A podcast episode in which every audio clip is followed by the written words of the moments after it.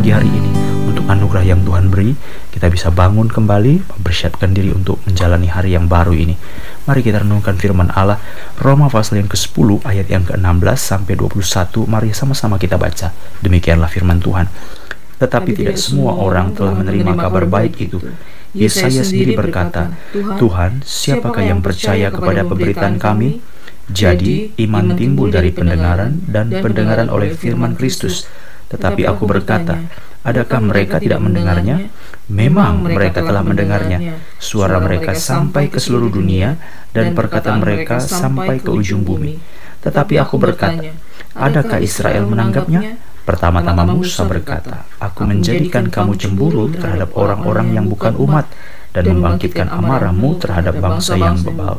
Dan dengan berani Yesaya mengatakan, Aku telah berkenan ditemui mereka yang tidak mencari aku Aku telah menampakkan diri kepada mereka yang tidak menanyakan aku. Tetapi tentang Israel ia berkata, Sepanjang hari aku telah mengulurkan tanganku kepada bangsa yang tidak taat dan yang membantah. Injil itu juga memberikan pembedaan atau penghakiman. Pada waktu Alkitab berkata, Injil itu adalah kabar baik, kenapa Injil itu menyelamatkan orang bukan Yahudi, tapi orang yang bukan Yahudi ditolak oleh Tuhan? Karena Injil itu menunjukkan siapa yang percaya, dialah yang akan diselamatkan. Ditetapkan oleh Allah dari zaman dahulu, era Perjanjian Lama sampai Perjanjian Baru, supaya orang disebut sebagai ahli waris kerajaan Allah atau disebut sebagai anak-anak Allah. Ingat renungan yang lalu, Ishak itu disebut sebagai anak perjanjian. Jadi bukan karena perbuatan Abraham, bukan karena kebaikan Abraham, tetapi karena anugerah Allah. Demikian juga dengan Yakub. Yakub pada waktu dia masih dalam kandungan, belum tahu membedakan yang baik atau yang jahat, tetapi Allah telah menjadikan dia sebagai kelompok atau sebagai garis keturunan yang akan disebut sebagai orang percaya, orang beriman. Kenapa? Karena memang dia berdasarkan perjanjian Allah. Jadi perjanjian Allah itu menunjukkan bahwa Allah mengerjakan semua keselamatannya bukan karena perbuatan. Demikian juga percaya kepada Allah bukanlah oleh karena perbuatan manusia. Kalau kita baca dalam bagian ini, maka kita temukan orang Israel sebenarnya adalah orang yang paling mungkin sekali untuk percaya kepada Tuhan karena mereka diberikan hukum Taurat, karena mereka diberikan firman Tuhan, karena mereka diberikan aturan sabat, karena Allah mengikat perjanjian dengan mereka. Tetapi Alkitab mencatat bahwa mereka tidak percaya kepada Allah. Mari kita lihat dengan perlahan ayat yang ke-16. Tetapi tidak semua orang yang telah menerima kabar baik itu. Sekali lagi, tetapi tidak semua orang telah menerima kabar baik itu. Sekali lagi, tetapi tidak semua orang telah menerima kabar baik itu. Sehingga Nabi Yesaya berkata dalam sebenarnya ini dicatat dalam Yesaya pasal 53 ayat yang pertama.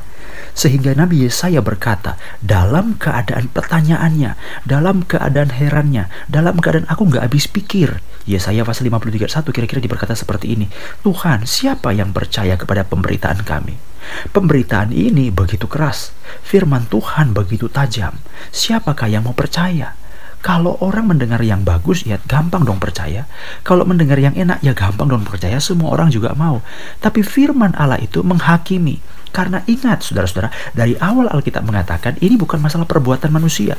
Ini bukan masalah keinginan manusia, tapi ini adalah perbuatan Allah, perjanjian Allah. Jadi tidak ada usaha manusia. Ishak dibenarkan karena perbuatan perjanjian Allah. Demikian juga Yakub dipilih karena perjanjian Allah. Demikian juga saudara dan saya kita bukan orang Yahudi tapi diterima menjadi kerajaan Allah, menjadi anak-anak Allah itu karena perbuatan Allah bukan karena perbuatan kita. Jadi percaya, beriman itu bicara masalah perbuatan Allah. Sehingga kalau ada yang berkata, "Tuhan, siapa yang mau percaya kepada pemberitaan kami?" Karena isi berita Tuhan itu berbeda dengan apa yang diinginkan dan diharapkan oleh manusia. Ya memang keselamatan itu tidak diinginkan dan diharapkan manusia. Kenapa Kenapa? Karena kita orang mati. Orang mati itu tidak bisa memilih mana yang manis, mana yang pahit. Orang mati tidak memilih, tidak bisa memilih mana yang menyenangkan, mana tidak menyenangkan. Orang mati tidak bisa memilih mana yang baik bagi dirinya. Orang meninggal dunia kalau dia sudah mati, dia dipakai pakaian apa saja, warna apa saja, dia tidak akan memberontak. Walaupun pakaian atau baju itu bukan baju kesenangannya atau bukan baju kesenangannya, atau baju dia atau bukan baju dia, dia tidak akan mengerti apa-apa karena dia mati. Jadi di hadapan Allah kita mati karena dosa. Kita mati harus sadar bahwa kita mati karena dosa. Jadi orang mati tidak memiliki kemampuan untuk memilih apa yang baik atau yang tidak baik. Itu sebabnya kita diberi anugerah Allah. Anugerah Allah itulah yang membuat kita hidup dan setelah hidup barulah kita dapat membedakan mana yang baik, mana yang buruk. Jadi saudara-saudara yang dikasih Tuhan, siapa yang peduli kepada pemberitaan kami? Siapa yang percaya kepada pemberitaan kami? Yesaya mengatakan kalimat itu. Tetapi ini merupakan suatu bukti nyata bahwa kita adalah orang yang mati. Kalau bukan karena Tuhan, kita mati. Itu sebabnya saudara-saudara berbahaya sekali kalau kita memilih atau kita menentukan mana yang sesuai, mana yang cocok, firman Allah yang seperti apa yang akan kita pilih. Bahaya sekali. Apa bahayanya? Bahayanya kadang-kadang kita berpikir, ini firman Tuhan tidak bagus, ini firman Tuhan bagus. Apabila kita belum menjadi orang yang hidup, tetapi kita memilih dengan cara seperti itu, maka kita sebenarnya secara tidak sadar bisa berpotensi menolak Tuhan. Karena apa? Karena kita orang mati, apa hak kita untuk memilih dan menentukan bahwa ini firman Tuhan yang bagus, ini firman Tuhan yang tidak bagus. Jadi saudara-saudara harus kita sadari siapa diri kita. Apakah diri kita sudah dihidupkan oleh roh kudus? Apakah diri kita sudah menerima natur hidup yang baru? Apakah kita sudah dilahirkan kembali? Apakah kita sudah diselamatkan? Apakah kita sudah hidup dalam pertobatan? Inilah kunci di mana kita menjadi orang yang hidup. Yesaya kembali lagi berkata, Tuhan siapa yang percaya kepada pemberitaan kami? Jadi Alkitab memberitakan kepada kita bahwa kita bisa menjadi orang hidup apabila Allah yang telah memberikan iman kepada kita. Jadi pertanyaannya sekarang adalah bagaimana saya bisa hidup? Ya karena kamu dapat iman. Bagaimana saya bisa hidup? Karena kamu diselamatkan. Kamu diselamatkan karena iman. Iman bukan karena perbuatan manusia tapi perbuatan Tuhan. Jadi anugerah Tuhan, Tuhan menganugerahkan iman. Setelah saya mendapatkan iman, maka saya diselamatkan. Setelah saya diselamatkan, maka saya menjadi orang hidup. Saya menjadi orang yang lahir baru. Saya menjadi orang yang bertobat. Saya menyesali dosa-dosa saya, lalu saya minta ampun kepada Tuhan, lalu saya taat kepada firman Tuhan. Nah, sekarang pertanyaannya, apakah tanda dari manakah saya tahu bahwa saya ini bisa diselamatkan? Alkitab mengatakan, kamu diselamatkan karena iman, dan iman timbul waktu kamu mendengar firman Tuhan. Jadi saudara-saudara, tidak mungkin orang diselamatkan tanpa firman Tuhan. Karena apa? Karena tidak mungkin orang diselamatkan tidak melalui iman. Dan tidak mungkin iman timbul melalui tanpa firman Tuhan. Tidak mungkin. Ada banyak contoh-contoh dalam Alkitab, saudara-saudara, tapi saya bicarakan satu saja. Seorang yang mengaku di sebelah Yesus pada waktu dia disalib, itu seorang penjahat. Orang jahat, orang jahat. Kenapa dia disebut orang jahat? Ya karena memang dia jahat. Buktinya saja dia disalib. Kenapa dia disalib? Karena dia mengalami kejahatan, melakukan tindakan kejahatan, dan kejahatannya itu dirasa patut untuk diganjar hukuman mati sehingga dia disalib. Tapi kalau saudara baca ayat Alkitab, maka pada waktu jam 9 Yesus disalibkan naik ke atas kayu salib, maka kedua penjahat yang di sisi Yesus itu sama-sama menghina Yesus, mengolok-olok Yesus, mengejek Yesus. Tetapi ada satu yang berbeda, yaitu apa? Pada akhir daripada perjalanan cerita itu, di mana Yesus akan mati, maka penjahat yang di sisi Yesus itu, dia mulai merasakan sesuatu. Roh Kudus bekerja, kita percaya dalam hatinya. Sehingga dia marah dengan kawannya, pada waktu kawannya berkata, lepaskan dirimu dan lepaskan kami juga. Lalu dia berkata, orang ini dihukum karena bukan pelanggarannya. Kita dihukum karena pelanggaran kita. Lalu dia berkata kepada Yesus, Tuhan, apabila engkau tiba pada kerajaanmu, ingatlah akan aku. Dan Yesus berkata kepada dia, Aku berkata kepadamu sesungguhnya hari ini juga engkau bersama-sama dengan aku di Taman Firdaus. Pertanyaan, kenapa orang itu bisa mengatakan kalimat itu? Itu berarti selama beberapa jam dia atas di kayu salib, dia tidak melihat mujizat, dia tidak melihat Yesus mengadakan tanda-tanda ajaib, dia tidak melihat Yesus mengadakan perbuatan-perbuatan yang heran. Dia hanya melihat Yesus adalah orang yang sama seperti dirinya, sama-sama digantung di kayu salib. Tetapi dia tahu apa yang terjadi. Dia mendengar apa yang terjadi. Dia melihat apa yang terjadi. Yesus diolok, tapi Yesus berkata, Bapa, ampunilah mereka karena mereka tidak tahu apa yang mereka perbuat. Yesus diejek, Yesus dimaki, dan dia mendengar tujuh kata-kata daripada apa yang Yesus katakan di kayu salib. Dia tahu kalimat-kalimat penting yang dikatakan Yesus di kayu salib. Sehingga semua yang pernah dia lihat, semua yang pernah dia dengar, dan semua apa yang dia ketahui tentang Yesus mulai bekerja dalam dirinya. Dan itulah yang membuat dia mengubah pendiriannya. Yang semula dia mengolok-olok dan mengejek Yesus. Tapi sekarang dia berkata, kita disalibkan karena dosa kita. Tuhan, ingatlah akan aku apabila engkau tiba pada kerajaanmu. Tidak mungkin orang itu berubah kalau bukan karena pekerjaan Roh Kudus. Tidak mungkin orang itu berubah kalau dia tidak mendengar segala sesuatu apa yang terjadi. Jadi saudara-saudara, dari manakah timbul keselamatan? Dari iman. Dan dari manakah timbul iman?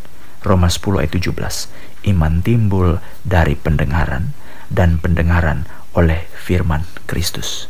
Itu sebabnya setiap orang yang mau diselamatkan tidak bisa tidak. Engkau harus mengajak dia, membawa dia, mengizinkan dia, mengsengajakan dia, menciptakan suatu kondisi dan situasi supaya orang itu mendengar firman Tuhan. Usahakanlah, rindukanlah supaya saudara mendengar firman Tuhan. Karena tidak mungkin orang diselamatkan tanpa firman Tuhan. Orang tidak diselamatkan dengan cara-cara yang ajaib. Mungkin ada yang berkata, bagaimana dengan Paulus? Paulus waktu perjalanan ke Damsyik, lalu tiba-tiba dia mendengar, melihat cahaya yang sangat terang sekali, lalu matanya buta, lalu akhirnya dia bertobat. Saudara jangan lupa, pada waktu Tuhan memanggil Paulus, Paulus bukanlah penjahat. Pada waktu Tuhan memanggil Paulus, Paulus bukan kriminal. Pada waktu Tuhan memanggil Paulus, memang Paulus membunuh, tapi Paulus membunuh karena kesetiaannya kepada hukum Taurat dan hukum Taurat itu sebenarnya bukanlah hal yang buruk. Hukum Taurat bukanlah hal yang najis. Hukum Taurat itu adalah menggambarkan kesucian, kekudusan, dan keadilan Allah. Itu sebabnya saudara-saudara, pada waktu Tuhan memanggil Paulus, Tuhan sudah tahu dan kita harus tahu bahwa Paulus sudah memiliki modal, bekal dalam hati pikirannya, yaitu apa? Firman Tuhan. Paulus tahu apa artinya Taurat. Paulus tahu apa artinya menjabarkan hukum Taurat. Paulus tahu apa itu hukum-hukum Allah. Paulus tahu apa itu perjanjian Tuhan kepada bangsa Israel. Sehingga Paulus adalah orang yang sudah memiliki modal dalam dirinya, yaitu apa? Dia sudah bertahun-tahun sejak umur lima. Dia mendengar firman Tuhan. Jadi saudara-saudara harus ingat, setiap orang yang diselamatkan mendengar firman Tuhan. Kalau kita membaca dalam kitab Lukas pasal 19, kita menemukan seorang yang bernama Sakeus. Sakeus itu adalah orang pemungut cukai. Seorang bagi bangsa Yahudi adalah orang jahat. Tetapi saudara apa tahu? Dia diselamatkan oleh Tuhan. Amin, puji Tuhan. Kita tahu ceritanya. Tetapi bagaimana kita mulai merunut melihat dari mana peristiwa bahwa pada waktu dia diselamatkan, maka dia mendengar tentang Yesus. Mari kita lihat. Pada waktu Yesus masuk ke kotanya, pada waktu Yesus masuk ke kotanya, Alkitab mencatat, maka Sakeus ini mulai mengingin tahu orang seperti Yesus itu orang seperti apa. Lalu dia mencari pohon dan memanjat satu pohon arah untuk melihat orang seperti apakah Yesus ini. Mari saudara perhatikan renungan kalimat ini. Bagaimana mungkin dia memiliki keinginan yang besar untuk mengetahui, untuk melihat Yesus kalau selama ini dia belum pernah mendengar desas-desus tentang Yesus. Sekarang misalnya begini, kalau misalnya ada satu konser datang, oh ada konser di Medan, konser apa? Konser band X. Uh, kalau saudara tidak pernah mendengar band X, apa saudara tertarik untuk pergi ke lapangan Merdeka dan nonton konser X? Tidak tertarik. Tetapi kalau saudara pernah mendengar band X, oh ya, aku pernah melihat itu di internet. Aku pernah mendengar di YouTube, aku pernah dengar orang ngomong, aku pernah dengar di radio, aku pernah lihat di TV. Band X datang, datang lapangan Merdeka ke kota Medan. Oh ya, lalu saudara akan lari pergi ke kota Medan ke lapangan Merdeka untuk ngapain? Untuk melihat orang seperti apakah band X itu. Nah pertanyaannya, kenapa saudara memiliki suatu keinginan untuk pergi ke lapangan Merdeka? Karena sebelum konser di lapangan Merdeka, saudara sudah pernah mendengar tentang band X. Saudara mendengar di radio, saudara tonton di TV, saudara dengar orang cerita, saudara nonton di YouTube, saudara lihat di internet, dan begitu banyak sekali. Sehingga begitu ada berita bahwa band X nyampe di lapang merdeka, saudara akan pergi ke sana. Betul enggak? Demikianlah halnya dengan Sakius. Sakius sudah pernah mendengar tentang Yesus. Dia mendengar bahwa ada satu orang pemuda dari Galilea. Dia mendengar ada seorang guru yang sangat baik. Dia mendengar adalah orang yang sangat memberikan ajaran-ajaran yang berbeda dengan rabi-rabi. Dan Sakius itu adalah orang Yahudi. Dan dia benar-benar mengetahui bahwa ini adalah suatu ajaran yang berbeda dengan apa yang diajarkan oleh ahli-ahli Taurat dan orang-orang Farisi pada waktu itu. Sehingga itu menggerakkan hatinya. Kita percaya roh kudus yang bekerja dalam dirinya. Membakar dia. Memberikan semangat kepada dia. Untuk memiliki rasa ingin tahu orang seperti apa Yesus ini. Sehingga pada waktu tidak ada tempat, pada waktu tidak ada kesempatan, pada waktu dia memiliki waktu yang sangat tipis sekali, dia pergi dan langsung dengan dorongan yang sangat kuat, walaupun dia orang terpandang. Walaupun dia orang kaya, dia tidak pakai asisten, dia tidak pakai bodyguard, tapi dia sendiri langsung naik ke atas pohon ara untuk melihat Yesus. Dan Yesus tahu orang ini karena Yesus adalah Allah. Dia mengetahui segala sesuatu. Lalu dia datang ke pohon ara itu dan berkata, Sakius turunlah. Hari ini juga aku ingin makan di rumahmu.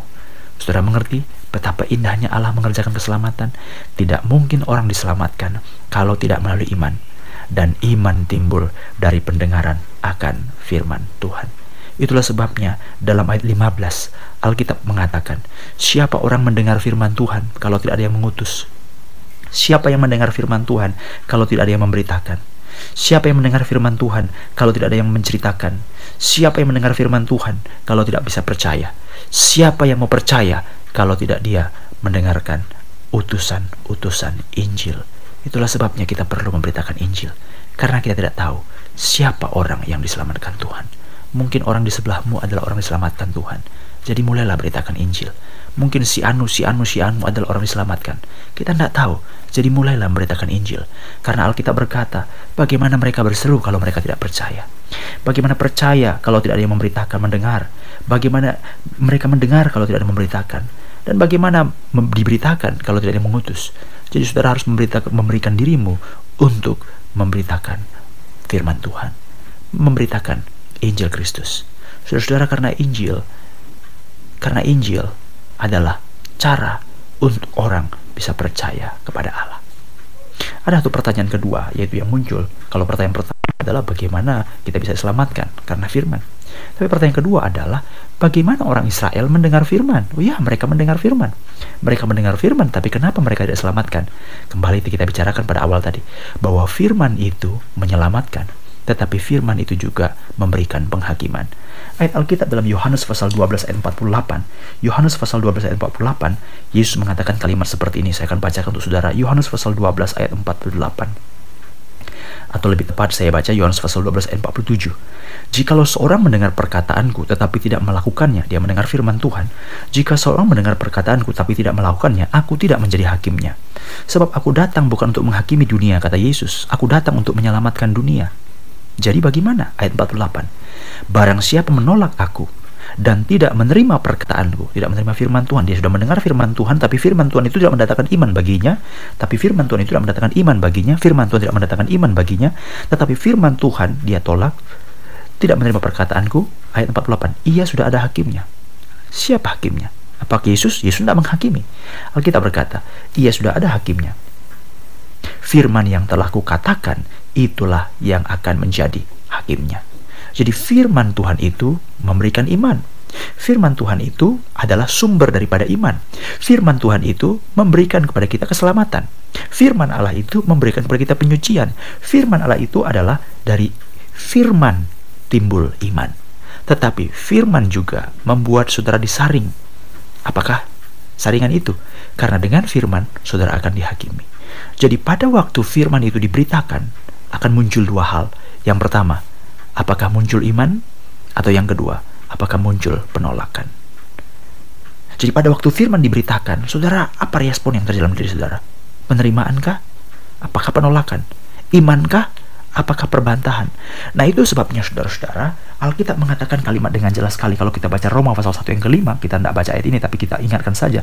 Saudara baca dalam Roma pasal 1 yang kelima, bahwa pada waktu kita percaya kepada Kristus, maka di sana kita dituntun bukan hanya untuk percaya, bukan untuk setuju, tapi untuk taat.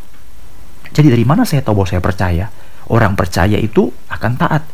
Tapi apabila saudara tidak taat, itu berarti saudara tidak percaya. Sekali lagi ya, Orang percaya itu pasti taat.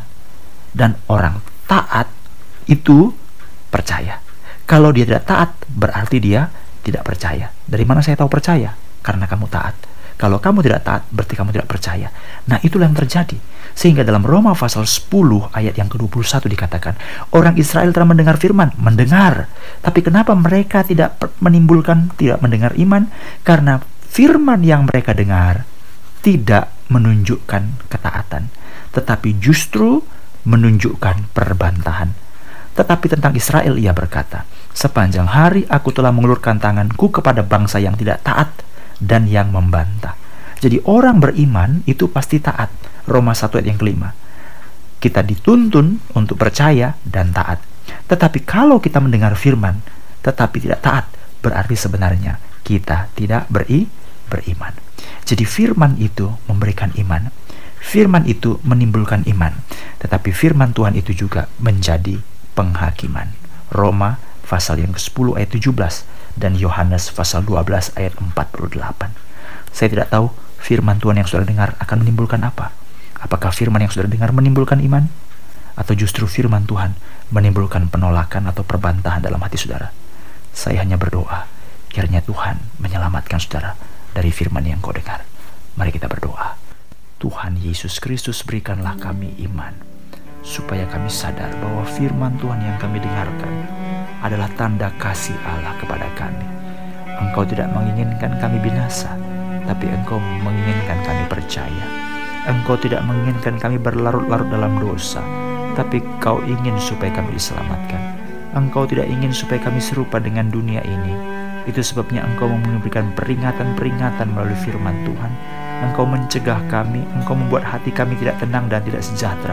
Waktu kami ingin melakukan dosa, Engkau membuat kami supaya mengurungkan niat kami. Engkau mengingatkan kami, menegur kami dengan firman-Mu, supaya kami jangan jatuh ke dalam pencobaan. Tuhan terima kasih. Tetapi sering kali orang mendengarkan firman, tetapi mereka menolak, membantah, karena itulah penghakiman. Tuhan, kami mau tuntun kami walaupun pahit, walaupun berat, biarlah kami hidup dan berjalan dalam firman Tuhan. Kuatkanlah orang tua supaya hidup sebagai orang tua. Kuatkanlah anak-anak supaya mereka hidup sebagai generasi penuh harapan. Kuatkanlah setiap umat-umatmu waktu mereka digoda, dicoba, waktu mereka tergiur, ingin melakukan perbuatan-perbuatan duniawi. Tuhan cegah mereka, hentikan mereka, jangan kami makin berdosa. Tapi kalau hari ini kami dengar firman Tuhan dan Tuhan berbicara kepada kami, ingatkan kami supaya kami bertobat dan kembali kepada Engkau. Kami tidak ingin berlarut dalam penderitaan.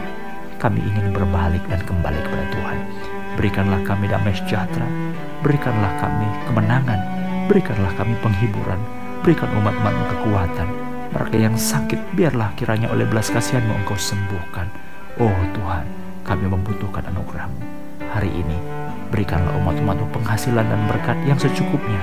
Apa yang pantas untuk mereka terima, biarlah engkau berikan kepada mereka.